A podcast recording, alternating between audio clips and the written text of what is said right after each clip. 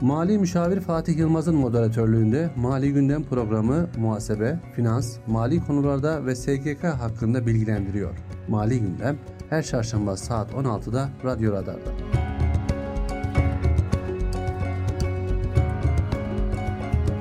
Mali Müşavir Fatih Yılmaz'ın hazırlayıp sunduğu Mali Gündem programı başlıyor.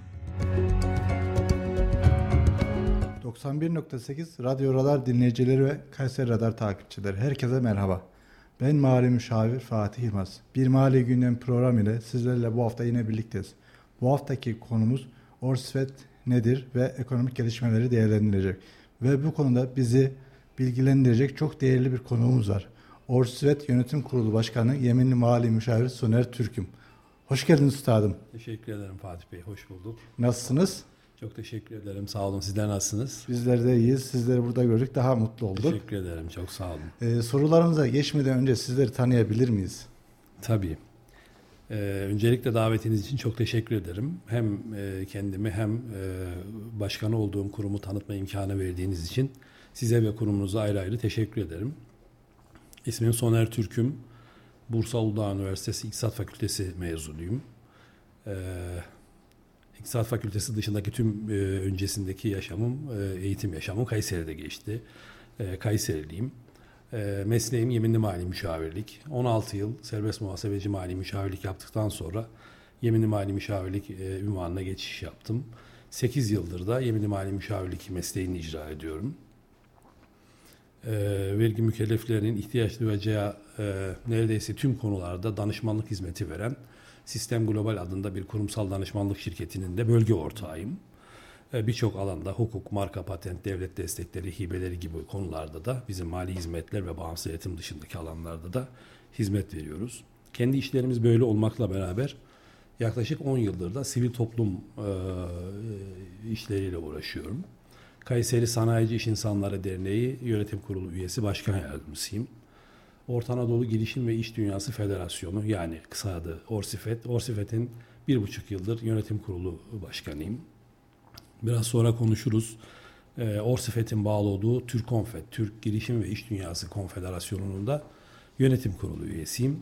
E, sivil toplum e, dünyasıyla da böyle iç içe faaliyetlerimiz var. Evliyim ve iki yetişkin erkek çocuk babasıyım. Allah bağışlar. Maşallah üstadım dolu dolu bir e, hem mali müşavirlik daha sonra yeminli mali müşavirlik e, bahsettiğiniz gibi işte federasyonlar, dernekleri de yönetim kurulu üyeliği, başkanlığı gerçekten ben bir meslektaşınız olarak bu şeyleri duymaktan gurur duyuyorum. Teşekkür ederim. Sağ olun. Siz temsil ettiğiniz Orsifet'in yönetim kurulu başkanısınız. Bizi tanıtır mısınız? Orsifet nedir? Fatih Bey Orsifet Orta Anadolu Girişim ve İş Dünyası Federasyonu e, bünyesinde 10 İş Dünyası Derneği'ni e, bulunduran e, kendisi de e, Türkonfet'e bağlı bir iş dünyası federasyonudur. E, Kayseri, Sivas ve Yozgat'ı temsil etmektedir. Bildiğiniz gibi kalkınma bölgeleri Türkiye'de 26 kalkınma bölgesi var. 26 kalkınma bölgesinden birisi Kayseri, Sivas ve Yozgat olarak tanımlanan TR72 bölgesi diye tanımlanan bölgedir. Biz de bu bölgede Orta Anadolu'yu temsilen 10 İş Dünyası Derneği'nin katılımıyla bir federasyon kurduk yaklaşık 10 yıl önce. 10 yıldır federasyonumuzun faaliyetleri devam ediyor. Ee, Türkiye'de bizim gibi 26 e, federasyon var, 26 bölge var. Bu 26 bölge federasyonu birleşerek 4 de e, sektör federasyonuyla birlikte yani 30 federasyonla birlikte Türkonfet çatısı altında birleşmişlerdir. Türkonfet bu 30 federasyonu bünyesinde bulundurur. E, Türkonfet ise Türkiye'nin en büyük gönüllü ve bağımsız sivil toplum örgütüdür.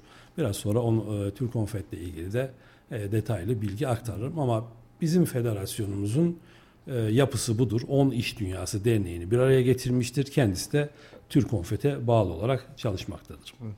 Peki Orsifet'in amacı nedir? Böyle bir kuruma varlığına neden ihtiyaç duyuldu? E, iş dünyasına neler katkıda bulunuyor? Orsifet'in amacı e, şirketlerin özellikle KOBİ'lerin büyümesini, gelişmesini sağlamak ve bu yolla ülke kalkınmasına destek olmaktır. E, Orsifet'in de amacı budur. Bağlı olduğumuz Türkonfet'in de amacı budur.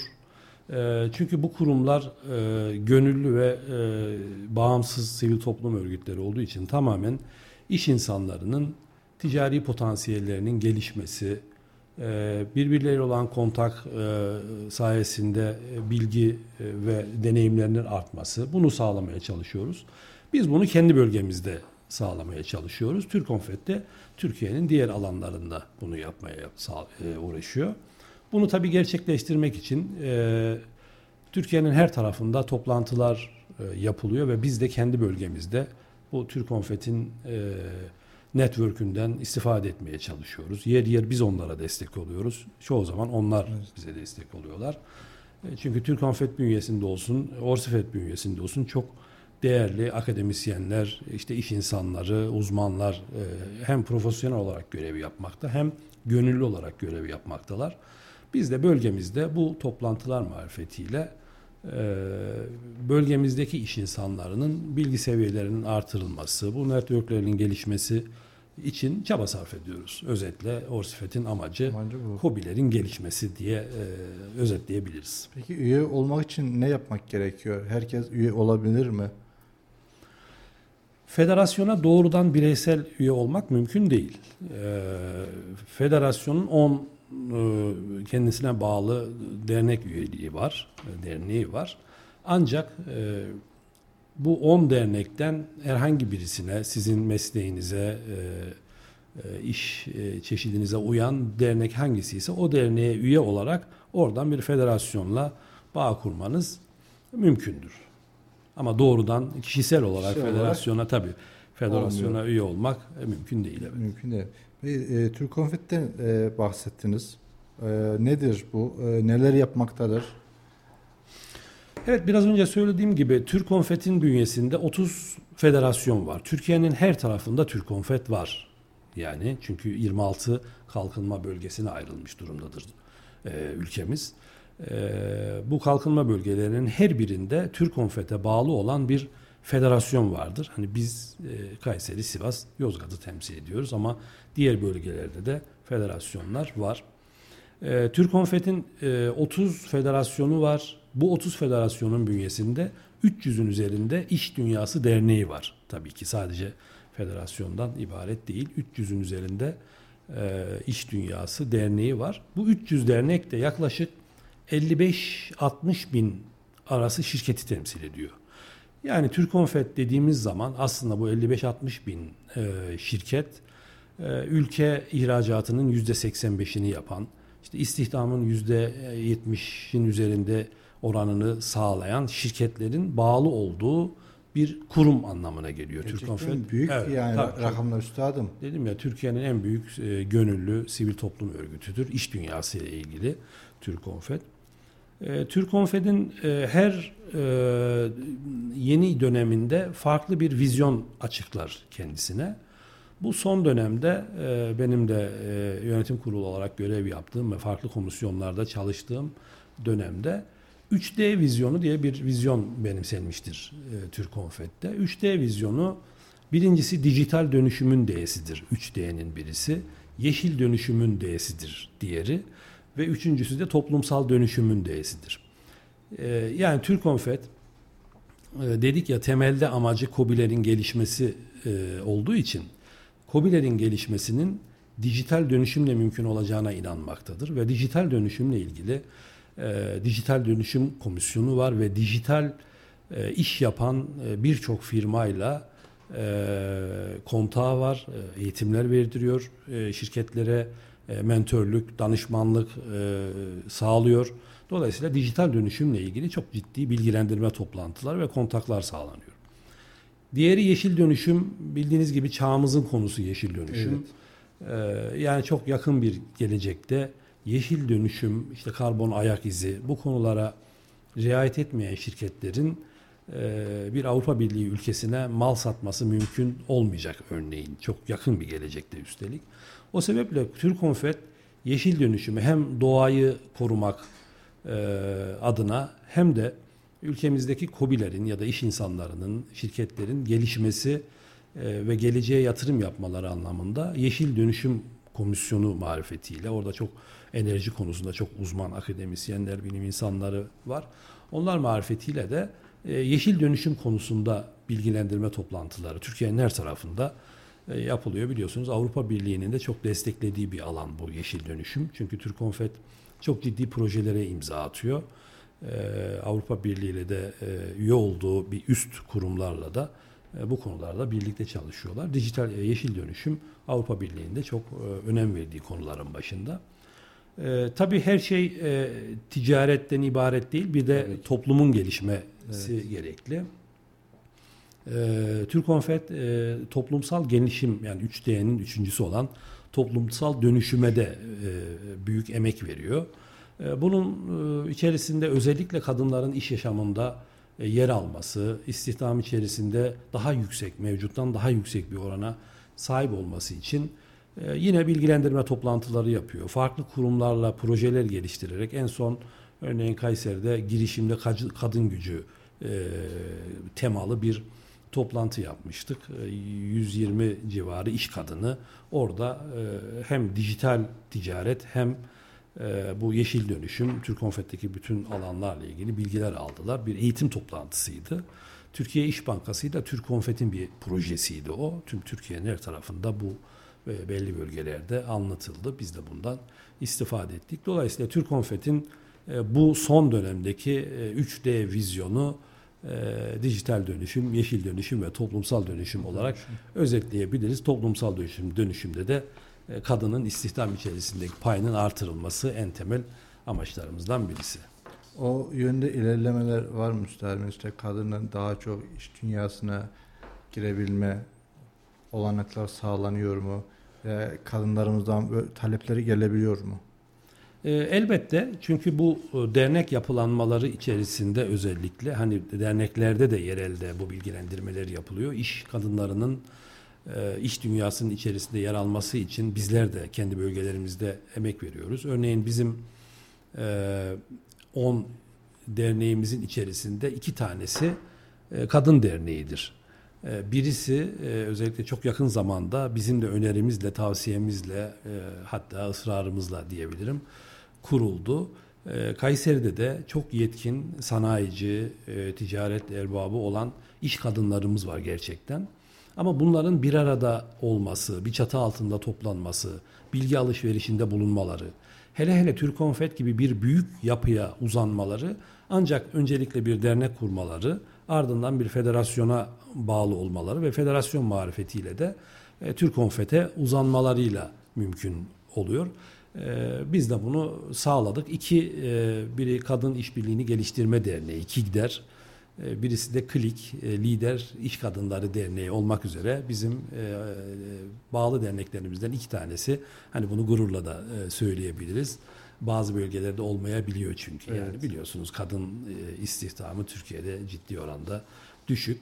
Ama giderek artıyor. Türk Konfet de bunun için biz de katkı sağlamaya çalışıyoruz. Evet. evet. Üstadım Orsfet olarak yaptığınız faaliyetlerden söz eder misiniz? Tabii e, dediğim gibi bütün amacımız e, iş dünyasının gelişmesi olduğu için biz şu ana kadar e, iş dünyasını ve bölgemizdeki iş insanlarını bilgilendirmeye yönelik son bir buçuk yılda özellikle çok ciddi toplantılar, paneller, seminerler düzenledik. Bunlardan birkaçını saymak isterim. E, 2021 Aralık ayında Fatih Bey, e, Türk İş Bank Yönetim Kurulu Başkanı'nı ve birlikte bir heyeti ağırladı Kayseri'de. E, Türk İş Bank'ın bildiğimiz bankacılık dışında çok enteresan bir bankacılık modeli var. Çok yatırım bankası zaten. E, onların bir T-Gate adını verdikleri enteresan bir yatırım modeli bu e, teknoloji şirketleriyle yatırım yapma arzusunda olan iş insanlarını bir araya getirdikleri bir platform, yatırım platformu vardı. E, o bana çok enteresan gelmişti. Onları davet ettik 2021'de. E, Aralık ayında ve iki ayrı e, yemekli ve kahvaltılı toplantıda yönetim kurulu başkanına e, Kayseri'deki işte 50 artı 50 100 e, iş insanına bu Türk İş Bank'ın yatırım bankacılığı modelini anlattırdık. Çok enteresan bir toplantıydı. Sonra 2022 Mart ayında e, devletimiz tarafından iş insanlarına sağlanan tüm desteklerin ve hibelerin anlatıldığı bir e, toplantı yaklaşık 200 250 aralığında e, e, böyle nokta atışı yaparak ilgili insanları e, davet ettik. E, o toplantıda şimdi e, Fatih Bey bu devlet destekleri ve hibeler tabii birçok toplantı yapılıyor ama her biri e, farklı alanlarda uzman insanlar tarafından anlatılıyor.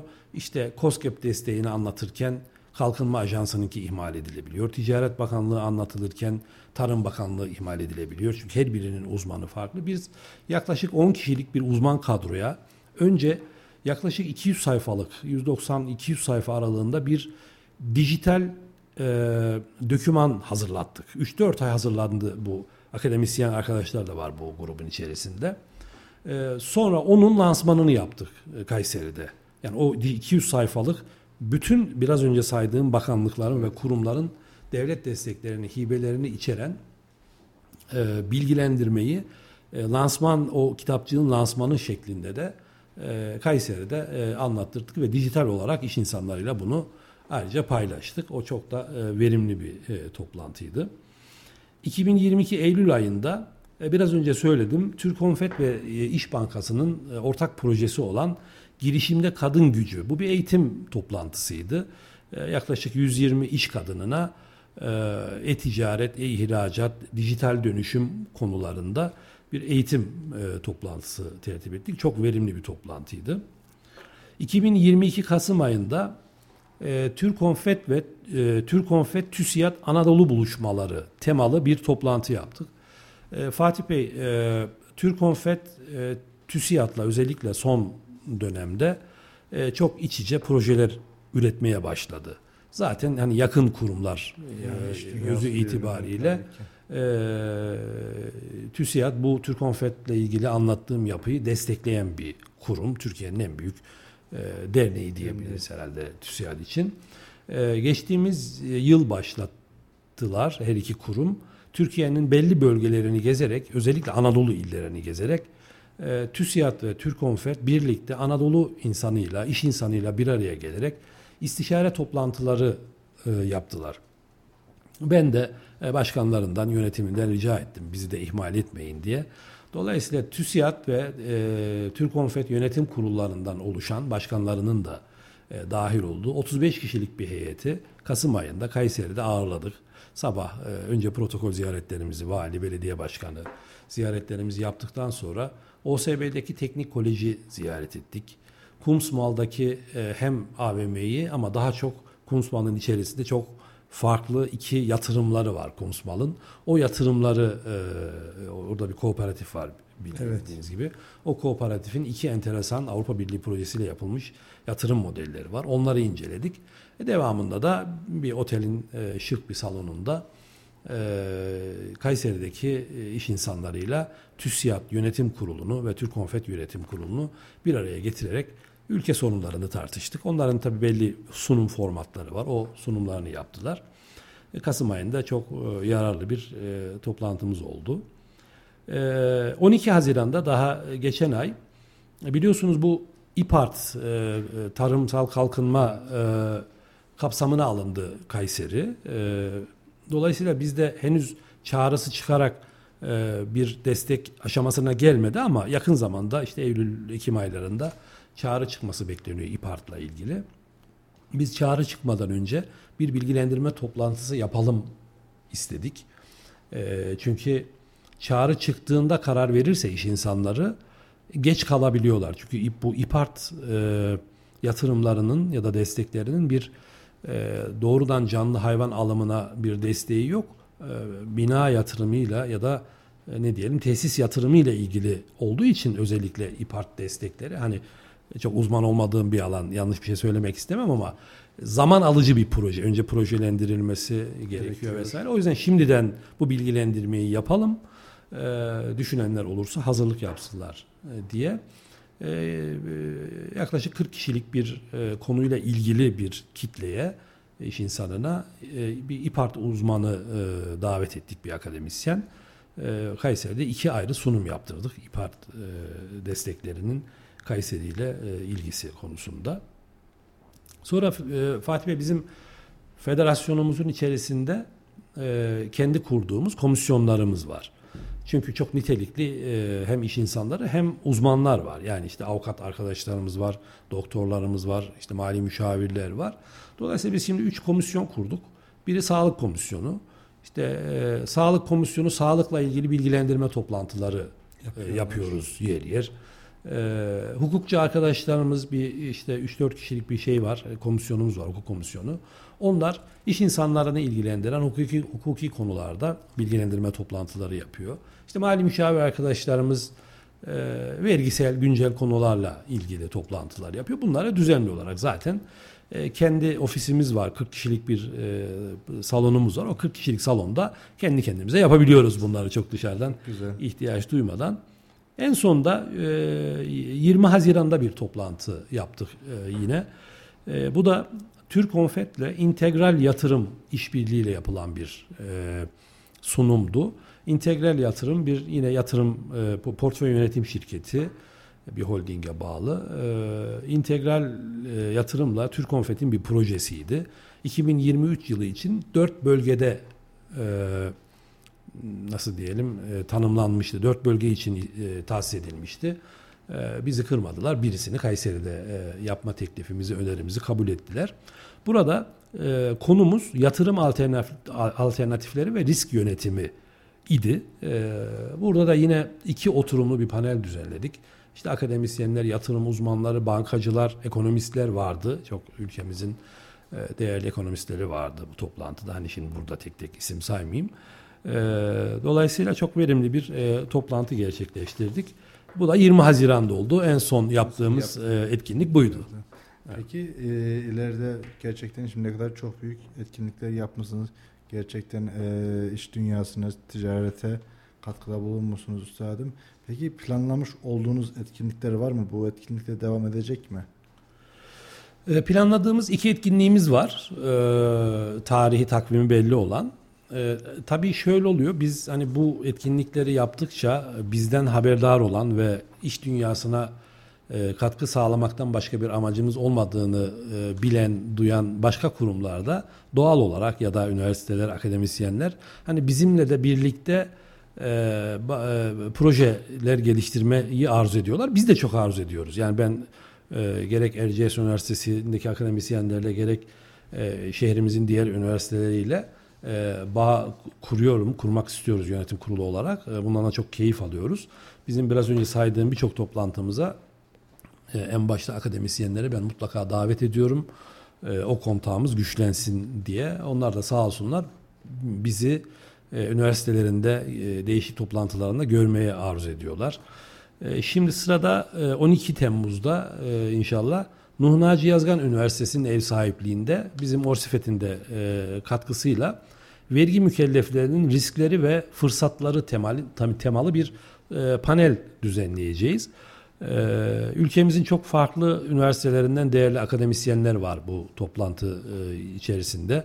Kayseri Ticaret ve Sanayi Odası temsilcileri, Kayseri Barosu, Kayseri SMM Odası yetkilileri, Vergi Dairesi Başkanlığı ve Vergi Mahkemesi Başkanlığı olmak üzere ve tabii olmazsa olmaz iş dünyasından da e, katılımcıların olacağı bir panel düzenleyeceğiz. Çünkü iş dünyasından katılımcılar olmazsa hani e, zaten onların sorunlarını konuşuyoruz. Vergi mükelleflerinin riskleri ve sorunlarını konuştuğumuz bir toplantıda illaki iş dünyası olacaktı. Biz zaten iş dünyası tarafını temsil ediyoruz. Panelin belli bir bölümünde de e, hem federasyon başkanı olarak e, benim hem de bir emin mali müşavir olarak e, bir panelist olarak da iki ayrı e, bölümüm olacak kısmet olursa sizi de tabii o toplantıda görmeyi arzu ederiz. Şimdiden davet ederiz. etmiş olayım. İnşallah.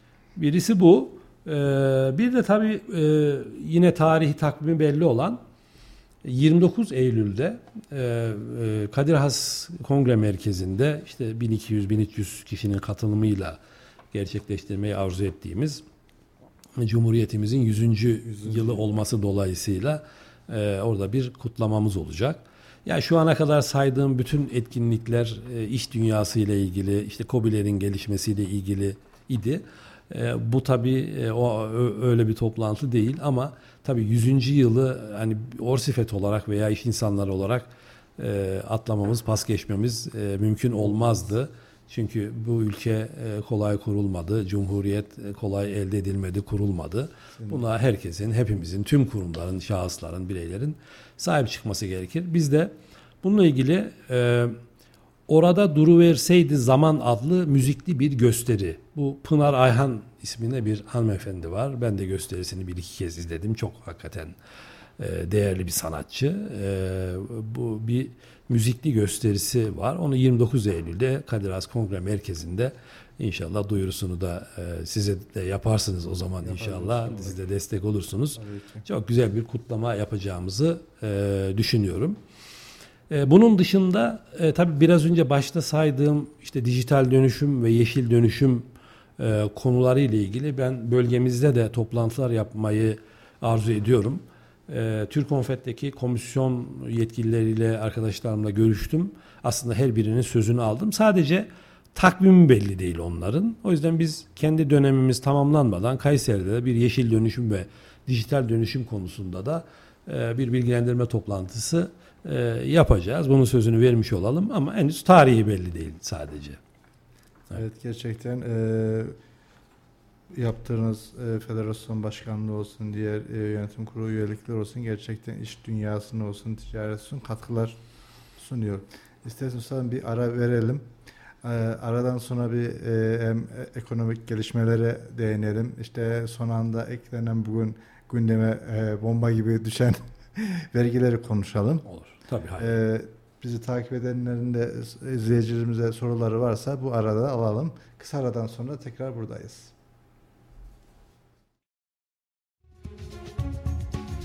Şimdi reklamlar. Tekden Hastaneleri bilgilendiriyor. Meme kanserinden erken teşhisle kurtulmak mümkündür. Hiçbir yakınma olmasa bile 20-40 yaş arası kadınların 2 yılda bir kez, 40 yaş üzeri kadınların yılda bir kez meme muayenesi olması önerilmektedir. Tekden Hastaneleri bilgilendirdi. Dağtekin İnşaat 12 yıllık tecrübesiyle huzuru ve mutluluğu inşa etmeye devam ederken sizlere depreme dayanıklı yapılarımızla güven veriyoruz. Erkilet bölgesinde bade konakları 4, 5, 6, Seyrani yükselen konutları, şehir hastanesi bölgesinde hastane konakları, Yavuzlar Mahallesi Dağtekin Konağı projelerimizle yüzlerce aileye yuva yapıyoruz. Erkilet bölgesinde yer alan villa projelerimiz İnciada Villaları 1, 2, 3 ile doğanın kapılarını sizlere aralıyoruz. Siz de bu projelerde yerinizi almak, dağ tekinle yuva sahibi olmak için acele edin. Adres Sümer Mahallesi Erkilet Bulvarı numara 22 Taksim A Koca Sinan. Telefon 0352 220 çift 011 0533 652 çift 045 Bir imza düşünün. Olduğu her yere değer katan, hayat veren. Hayalleri gerçeğe dönüştürürken memleketin her karış toprağına güçlü projelerin temelini atan bir imza. İlkleri yaşatan aynı imza şimdi sizleri yeni projelerine davet ediyor. Bu imzayı tanıyorsunuz. Çünkü 5 yıldır olduğu her yerde farkını yaşıyorsunuz. En iyisini isteyenler için değeri her geçen gün artan yaşam projeleri Grup Avenir güvencesiyle Yozgat ve Kayseri'de.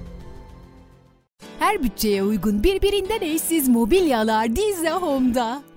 Yılların verdiği tecrübeyle kalite ve konforu tasarlayan ekibimizle yaşam alanlarınızı Dizza Home modasıyla renklendirin. Konforundan vazgeçemeyeceğiniz ürünlerimizi görmeniz için sizleri mağazalarımıza bekliyoruz. Merkez Şube Sanayi Mahallesi 6008 Cadde numara 29 Koca Sinan 0352 336 3589 Serkent Şube Fatih Mahallesi Kadir Has Bulvarı numara 143 Melik Gazi. 0352 513 3989 Sen de hayatın dolu dolu tat. Aç bir meysu dolu dolu hayat. Sen de hayatın dolu dolu tat. Aç bir meysu dolu dolu hayat. Reklamları dinlediniz.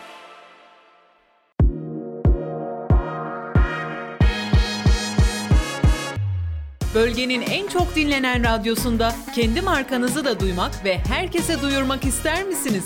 Markanıza değer katmak için bizi arayın. Radyo Radar reklam attı. 0539 370 91 80.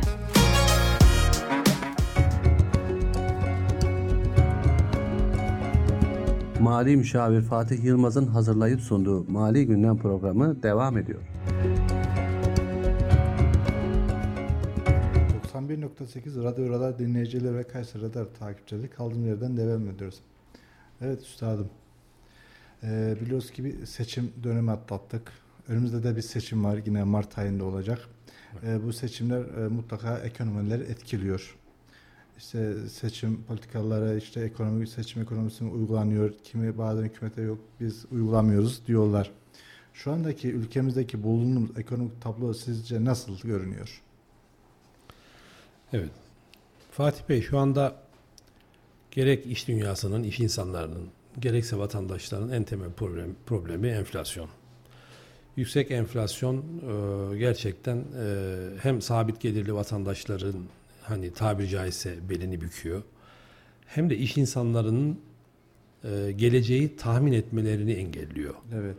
E, öngörülebilirlik dediğimiz kavram iş insanları için en önemli kavramlardan birisi. Yatırımı etkiliyor yani. Tabii yatırımı etkiliyor. Hani e, ticaret erbabının şöyle amiyane e, kullandığı bir tabir vardır. Siz de bir mali müşavir olarak çok iyi bilirsiniz. Sattığınız malı yerine koyamıyorsunuz derler. Yani bu yüksek enflasyondan kaynaklanan bir şeydir. Dolayısıyla bu sattığınız ürünü, malı yerine koyamama hali ürüne vereceğiniz fiyatı, tahsis edeceğiniz fiyatı belirlemenizi engeller. Bunun da kaynağı yüksek enflasyon. Tabii e, seçimler bitti. E, yeni bir e, ekonomi kadrosu oluştu. Gayretle de çalışıyorlar. Bana göre de olabilecek en iyi ekonomi e, kadrosu oluşturuldu diye düşünüyorum ben şahsen. Dolayısıyla umarım enflasyonun dizginlenmesi konusunda başarıya ulaşırlar. Ona yönelik çalışıyorlar ve ben mevcut hükümetin şu anda birinci hedefinin zaten enflasyon olduğunu düşünüyorum. E, bu saptamayı onlar da doğal olarak yapıyorlar. Bir diğer problem tabii döviz kurlarındaki e, aşırı artış, ve hareketlilik. E, işin açığı döviz kurlarını e, e, ben de bir hani federasyon başkanı ve e, iş dünyasından birisi olarak döviz kurlarının e, hazineye zarar yazma e, ya neden olacak uygulamalarla birlikte sabit tutulması e, çabasını çok anlamlı bulmuyordum işin doğrusu. E, şu anda e, uygulamalar seçimden sonra farklı bir yöne evrildi. Bu da döviz kurlarının artmasına sebep oldu. Ama doğru olan döviz kurlarının piyasadaki kendi karşılığını bulmasıdır. Biraz önce söylediğim iş insanları bakımından öngörülebilirlik ve geleceği tahmin etme becerisi ancak bu yolla oluşabilir.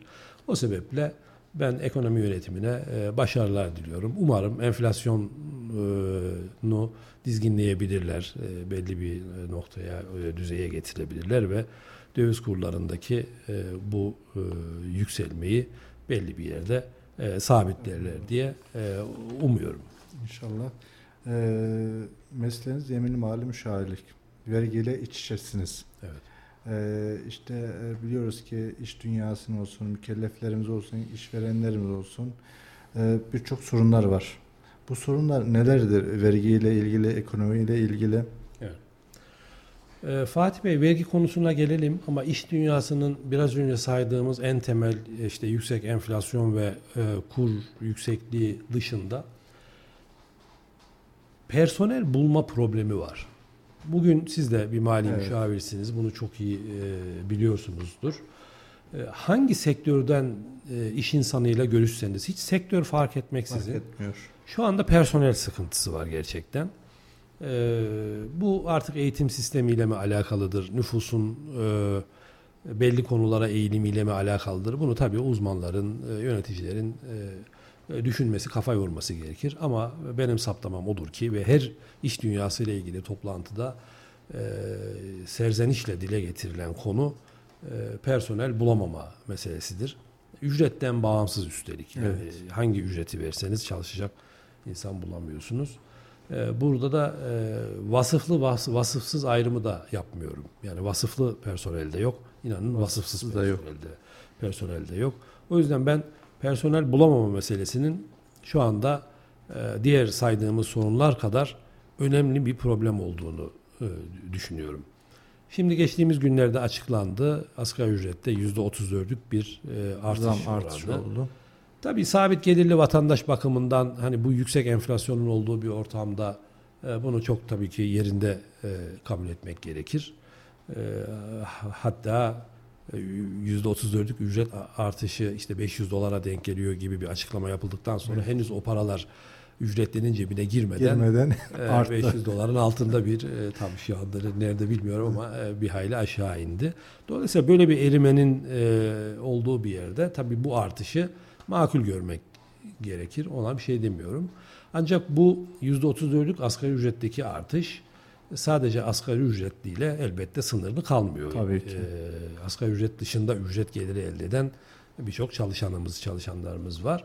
Dolayısıyla onlara da benzer oranlarda artış yapmayı gerektiriyor iş yerindeki hakkaniyet ya da adaleti sağlamak istiyorsanız. E, fakat e, bir mali müşavir olarak biliyorsunuz ki vergi dilimi yani gelir vergisinde işte e, gelir arttıkça Artan oranda e, artan oran olması dolayısıyla gelir arttıkça daha yüksek miktarda vergi alma e, matematiğinden hareketle yüksek ücretlilerde yüzde 34'lük bir artış yaparak e, asgari ücretliyle aynı net geliri elde etmesini sağlayamıyorsunuz. Evet. Dolayısıyla bazı durumlarda belki 40-45 yüzde 50 zam yapmalısınız ki çalışanın eline net yüzde 34 artışla bir gelir e, Elde edebilsin, geçebilsin. O sebeple bugünlerde iş dünyası tam da bu durumun farkına vararak vergi diliminde bu dediğim olumsuzluk olumsuzluğu ortadan kaldırmaya yönelik bir hamle bekliyor hükümetten. Evet. Ee, yani bunun e, sağlanması gerekiyor. Aksi halde %34 diye standart olarak tüm çalışanlarınıza bir e, zam artışı yaptığınızda herkesin eline geçen oran %34 olmayacak. Olmayacak. Aksi halde evet. E, vergi dilimlerini söylemiş olalım. Tabii iş dünyasının e, seçimden tabii önce başlayan bir e, serzenişi var ve hala sürüyor. Bu faiz oranlarındaki nasıl diyelim durumla alakalı bankaların uyguladığı faiz oranlarıyla e, ve Merkez Bankası'yla bankalar arasındaki faiz trafiğinden kaynaklanan da bir mesele ama bizi sonucu ilgilendiriyor. Kesinlikle. O tarafı değil. E, sonucu şu, e, iş dünyası finansmana erişemiyor. Finansmana ulaşamıyor. Ulaşmanın da maliyeti yüksek. Yani bankalar şu anda kredi limitlerini olabildiğince sınırlamış durumdalar. Olan kredinin de faiz oranı çok yüksek. Ee, o yüzden şu anda iş dünyası yatırım yapacaksa, istihdam yaratacaksa e, doğal olarak banka desteğine, finansman desteğine ihtiyacı var.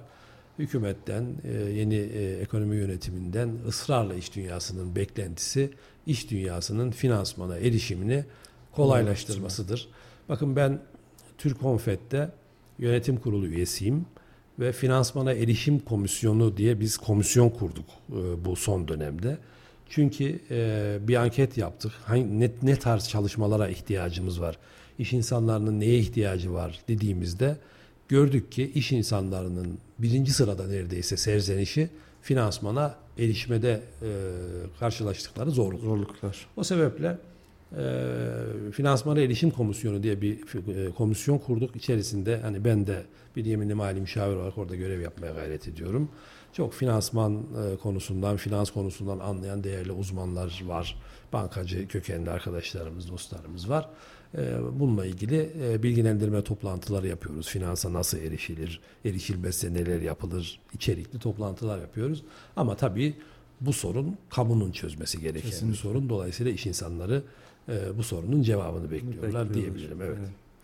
Ee, artık zamanımızdan sonuna doğru geliyoruz üstadım. Bugün e, bir bomba gibi haberler düştü. İşte motorlu taşıtlar vergisinin ek olarak getirilmesi tekrardan e, işte e, kurumlar vergisi oranının artırılması gibi vergiler geldi. Evet. Bu hakkında neler düşünüyorsunuz? Ne gibi daha ar- artı vergiler çıkar mı? İ- işin aslı e, ben bir yeminli vali müşavir olarak e, da e, ya da takip ettiğim e, ekonomi e, uzmanlarının e, yorumlarından, yazılarından da e, işte tahmin edebilmişsem ülkenin gidişatını bir e, vergisel bir düzenleme olacağını tahmin ediyorduk. E, ama hani tabiri caizse golü nereden yiyeceğimizi e, tahmin edemedik, kestiremedik. E, şimdi e, dediğiniz gibi kurumlar vergisi oranı zaten önceki yıllarda e, düzenlemeler yapılmıştı. Kurumlar vergisi oranı e, kurumlar vergisi kanunda yüzde yirmi iken farklı oranlar uygulamıştık geçtiğimiz yıllarda benzer sebeplerle. Artık 2023 için yüzde yirmi yani kanunda yer alan oranı uygulayacağımızı planlıyorduk Diyorduk. tam. E, o oran artık e, yüzde 25'e e, çıkarıldı. E, banka ve finans e, şirketleri için de yüzde 30'a çıkarıldı. E, Dolayısıyla bundan sonra e, muhatap olacağımız vergi en azından e, banka ve finans çevreleri dışında yüzde 25. E, ek motorlu taşıtlar vergisi bu yani şu anki düzenleme en azından öyle. Hani kalıcı olur mu olmaz mı bilemiyoruz ama şu anki düzenleme öyle. E, bir defaya mahsus e, ek motorlu taşıtlar vergisini iki kat alınacak. Yani bu yıl uygulanacak motor ta- taşıtlar vergisi ne kadarsa onun iki kat olarak e, bu yıl e, 1000 lira ödediysek 2000 lira 2000 ödeyeceğiz lirada. gibi. Evet, evet. Motorlu taşıtlar vergisi böyle. 31 Aralık 2023'e kadar ne ödememiz gerekiyorsa bunu iki kat ödeyeceğiz. Bir diğer düzenleme e, şirket aktifinde kayıtlı bulunan taşınmazların e, hak ettiği diyelim e, istisnalar var idi. E, bir şirketin aktifinde iki tam yıl e, bulunan taşınmazlar satışı halinde yani inşaat ve gayrimenkul alım satımıyla uğraşan işletmeler haricindeki işletmeler için söylüyorum. İki tam yılı doldurduktan sonra 730 günü doldurduktan sonra satılması halinde e, katma değer vergisi ve kurumlar vergisinde istisnalar vardı. Katma değer vergisinde %100 istisna vardı. Katma değer vergisi hiç uygulanmazdı.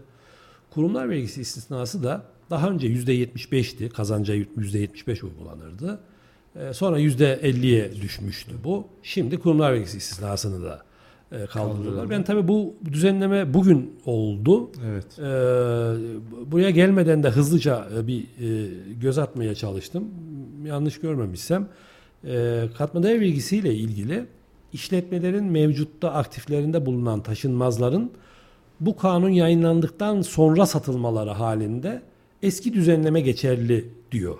Yani e, uygulanır hani mev- şu anki Evet, mevcuttaki e, olanlar. bulunan e, aktifler taşınmazların satışına e, işte 17.4R dediğimiz e, kademe istisnası e, uygulanabilir. Bu yeni alınan taşınmazlar için Geçerli olacak. geçerli olacak bu istisnanın kaldırılması öyle anlaşılıyor. Kurumlar vergisi istisnasının da %50 olan istisnanın %25 olarak yani mevcuttaki taşınmazlar için ama yeni alınan taşınmazlar için zaten istisna Bunlar artık kalkıyor. bundan sonra kalkıyor. Ee, umarım yanlış yorumlamamışımdır. Çok hızlıca Evet. e, gelmeden birkaç dakika önce baktım. %25 olarak mevcut taşınmazlara uygulanacak. Yani bir taşınmazı sattığınızda 1 milyon kazanç elde etmişseniz işte %25'ine e, istisna uygulayacaksınız. Kalan 75 75'ine vergi, vergimizi ödeyeceğiz. kurumlar vergisi ödeyeceksiniz. Tabii bu esasında taşınmazlarda bilmiyorum süremiz var mı var Fatih var. Bey? var, var. Şöyle taşınmazlarda e, vergisel e, durum gerçekten başlı başına bir oturum, başlı başına bir panel konusu. Evet. E, ben bu istisnaların varlığını aslında e, doğru ve yerinde e, kabul ediyorum. Keşke e, duruyor olsalardı. Çünkü bir bilançoda e, taşınmazlar e, işte enflasyon olan ülkelerde e, ciddi şekilde e, raiş değerini yitiriyor. İnanılmaz kar rakamları çıkıyor. Ortaya. O zaman mali danışman arkadaşların işte sizlerin, bizlerin taşınmazları aktife kaydetmeyin, özel mülkiyetinize alın gibi bir e, ne diyelim tavsiyede bulunmaya sevk ediyor bizleri mecburen. evet, ya da maalesef. iş insanı kendiliğinden Evet. bu kararı veriyor hani e, bizden tavsiye almasa da. E, dolayısıyla e, bir de biliyorsunuz enflasyon muhasebesi, Muhasebesi. şu anda uygulayamıyoruz. Önümüzdeki yıldan itibaren enflasyon muhasebesi uygulayacağız. Belki enflasyon muhasebesi uygulandığında bu dediğim e, enflasyon kaynaklı fiktif karların ortadan kalkması e, gerekir, kalkar inşallah. O zaman belki söylediklerimiz karşılık bulmaz ama mevcut durumda taşınmazlar enflasyon karşısında eriyorlar. E, de- değerlerini güncelleme imkanımız çok olmuyor. Olmuyor. Fahiş değeri. Tabii endekslemeye yönelik hani burada çok vergi mevzuatı konuşuyor gibi olmayalım. Bir takım düzenlemeleri var ama e, bugünkü özellikle son iki yılda taşınmazlarda olan raiş değer, piyasa değerindeki artışı hiçbir vergisel düzenlemenin e, yetişmesi, karşılaması mümkün değil. Değil.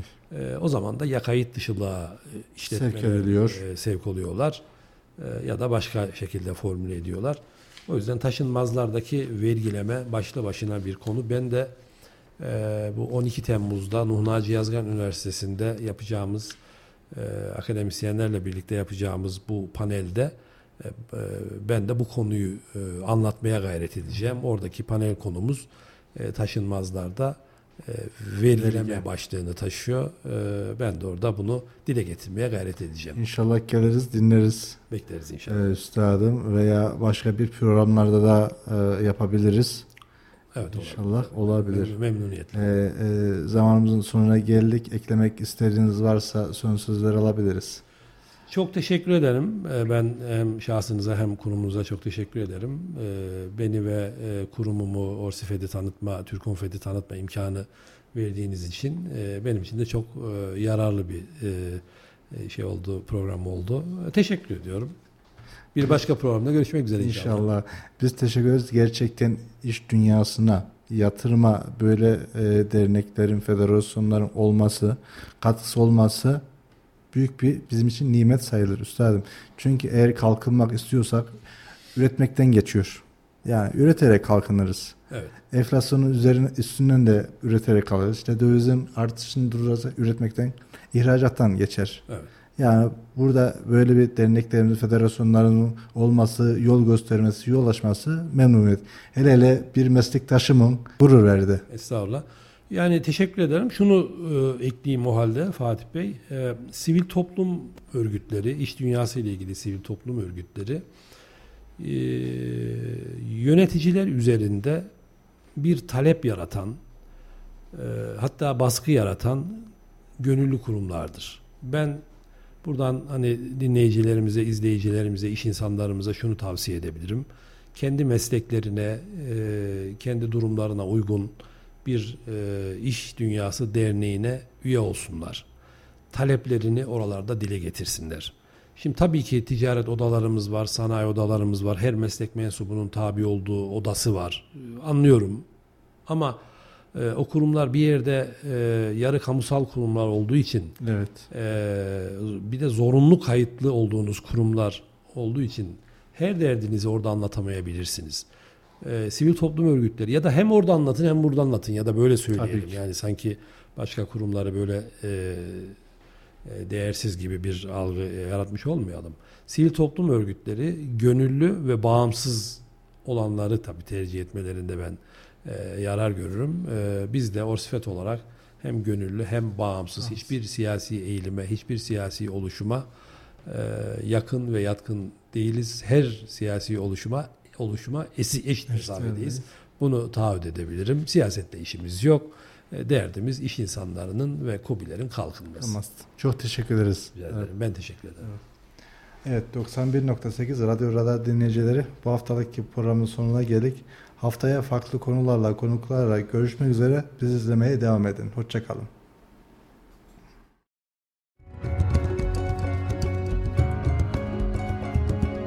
Mali Müşavir Fatih Yılmaz'ın hazırlayıp sunduğu Mali Gündem programı sona erdi.